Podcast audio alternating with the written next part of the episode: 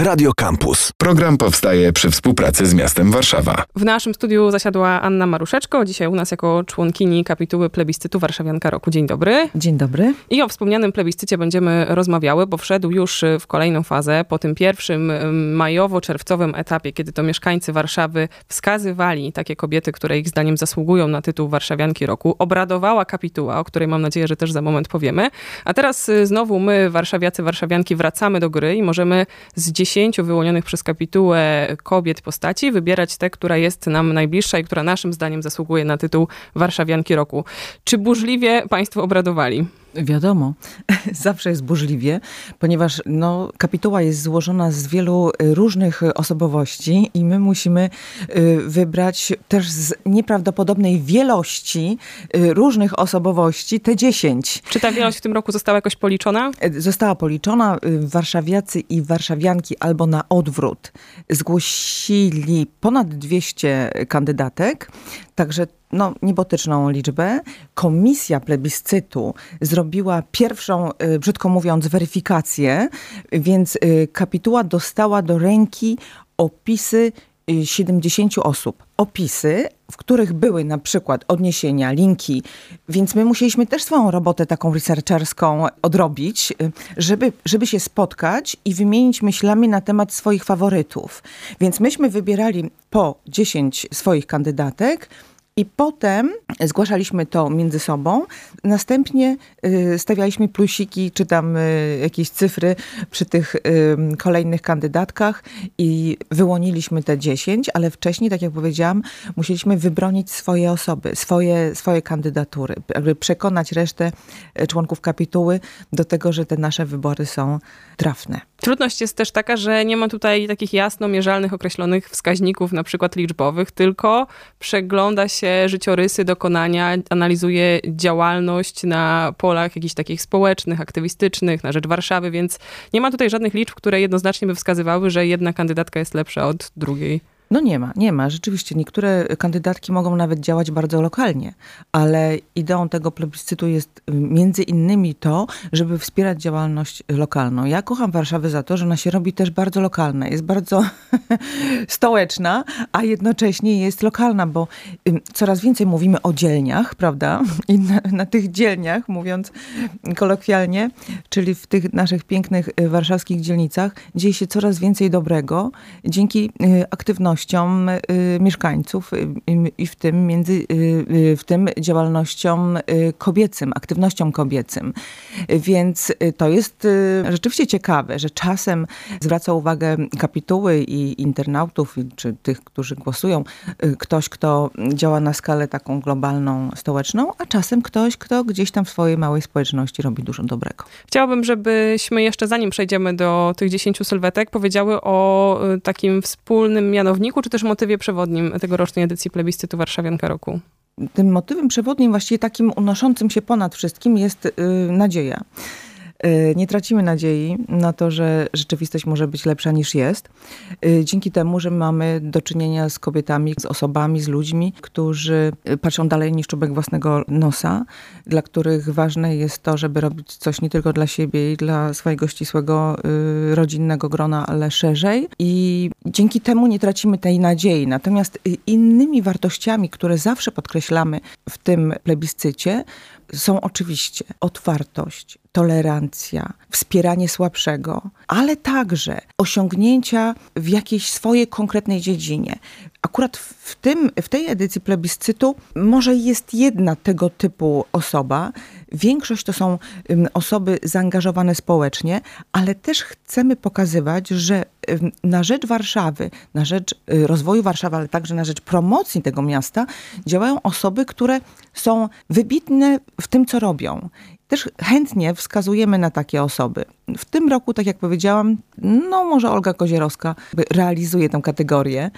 Ona reprezentuje biznes, chociaż też z takim dużym zacięciem społecznym, ponieważ jej zależy na tym, żeby, y, żeby wspierać kobiety, motywować do działania kobiety mm, w dziedzinie przedsiębiorczości i biznesu.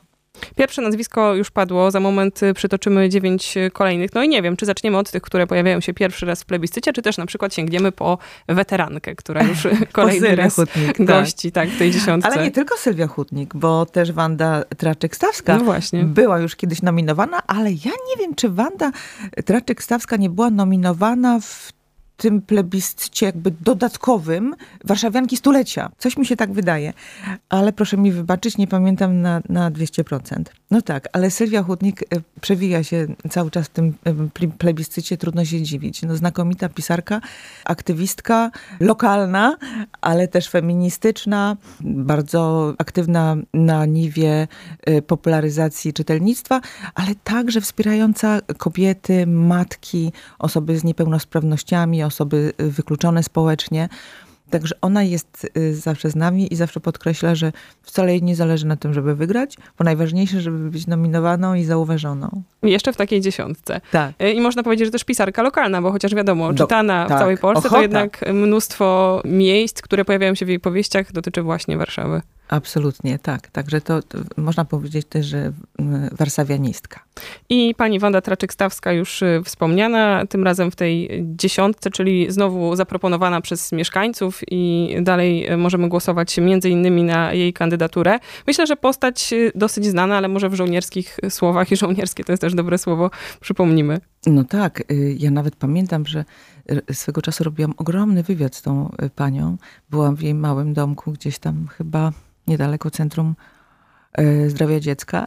Przyjęło mnie i spędziłyśmy tam całe godziny. Opowiadała mi o swojej powstańczej historii, tak, bo za tą panią kryje się mm, historia y, nie tylko harcerstwa, ale także powstania. Y, więc zaangażowana od zawsze. Y, natomiast w ostatnim czasie bardzo zaangażowana mm, także w takie akcje jak na przykład walka o swoje matek, dzieci z, z różnymi niepełnosprawnościami. Pamiętamy, jak pani Wanda Draczek-Stawska przychodziła do nich do parlamentu. Pamiętam tę małpkę, zabawkę z powstania, którą przyniosła tym protestującym mamom, zdesperowanym bardzo. Więc ona potrafi się zawsze ująć za słabszymi. I zawsze pamiętam, jak mi powiedziała, że nic nie jest na zawsze. Nic nie jest na zawsze. O wszystko trzeba zawsze dbać, chuchać, dmuchać, bo to, co oni wywalczyli dawno temu dla nas, może być kruche, więc trzeba to pielęgnować. Kto następny? Y, Katarzyna Augustynek, znana y, również, y, starsza pani, ale nie tak starsza jak cudowna Wanda Traczyk-Stawska, także tak zwana babcia Kasia, zaangażowana w, w rozmaite mm, akcje społeczne, bardzo aktywna i bardzo mm, fajnie, fajnie głośna. Także myślę, że doskonale znana mieszkańcom Warszawy i internautów. No, działa w taki bardzo, powiedziałabym, kobiecy sposób. Tam jest dużo tej kobiecej energii, bo z jednej strony jest silna, y, przebojowa, odważna, a z drugiej strony empatyczna. Z tej samej kategorii, jeśli mogę użyć takiego słowa, pewnie też Marta Lempart, czyli liderka strajku kobiet, którą znamy tak, właściwie z tak, takiego samego ikona. rodzaju y, działalności. Y, bardzo dużo społeczniczek.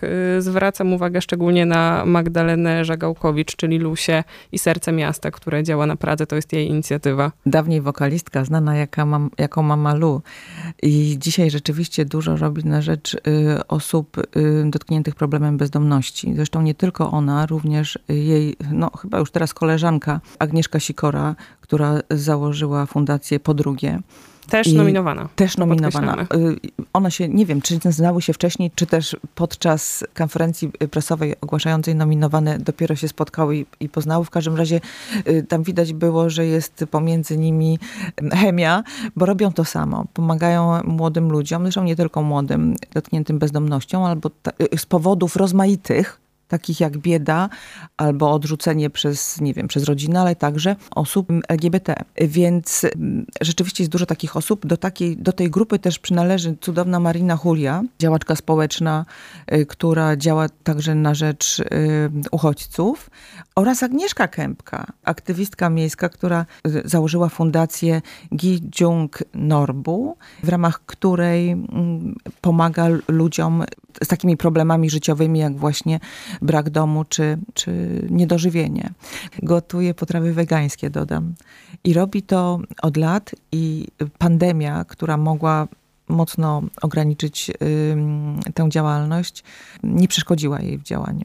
Ja tu skrupulatnie pilnuję, czy y, do dziesięciu się zbliżyłyśmy i została nam y, jeszcze jedna postać, Kamila Górniak. Kamila Górniak, bo tak, bo kobiety rzeczywiście bardzo też angażują się w, w działalność na rzecz ludzi z niepełnosprawnościami albo ludzi po prostu chorych. Kamila Górniak założyła Fundację SMA, która wspiera osoby chore na rdzeniowy zanik mięśni oraz rodziny takich, y, takich osób. Najczęściej to są małe dzieci. I no to jest też aktywność bezcenna, dlatego, ale też taka pionierska, ponieważ no właściwie w Polsce mówi się o tym SMA jakoś więcej od niedawna i ciągle słyszymy o tych zbiórkach niebotycznych sum, y, wielomilionowych sum, które trzeba zebrać w krótkim okresie, żeby, żeby kupić lek, który trzeba w odpowiednim czasie podać dziecku. Kamila Górniak ma odwagę mówić całą prawdę na temat tych leków i tych terapii, a jednocześnie pokazuje, ile oprócz tego leku można zrobić dla swojego dziecka z SMA. Także to jest, tak jak powiedziałam, pionierska, jednocześnie bardzo taka odważna społecznie też akcja. Wspominałam, że państwo, czyli kapituła, mieli dosyć trudno, ale y, po kilku minutach dochodzę do wniosku, że to ci głosujący na ostatnim etapie mają jeszcze trudniej, no bo wybierają wśród dziesięciu naprawdę wspaniałych życiorysów, imponujących dokonań. Na szczęście mamy trochę czasu do namysłu. Do 22 października można głosować i wskazywać swoją warszawiankę roku wśród y, wspomnianych dziesięciu. Warszawianka roku umwarszawa.pl to jest ten adres, y, pod którym można to zrobić. No i 9 listopada wielki finał Wówczas poznamy zwyciężczynię. Anna Maruszeczko była naszym gościem. Bardzo dziękujemy. Ja także bardzo dziękuję. Program powstaje przy współpracy z miastem Warszawa. Radio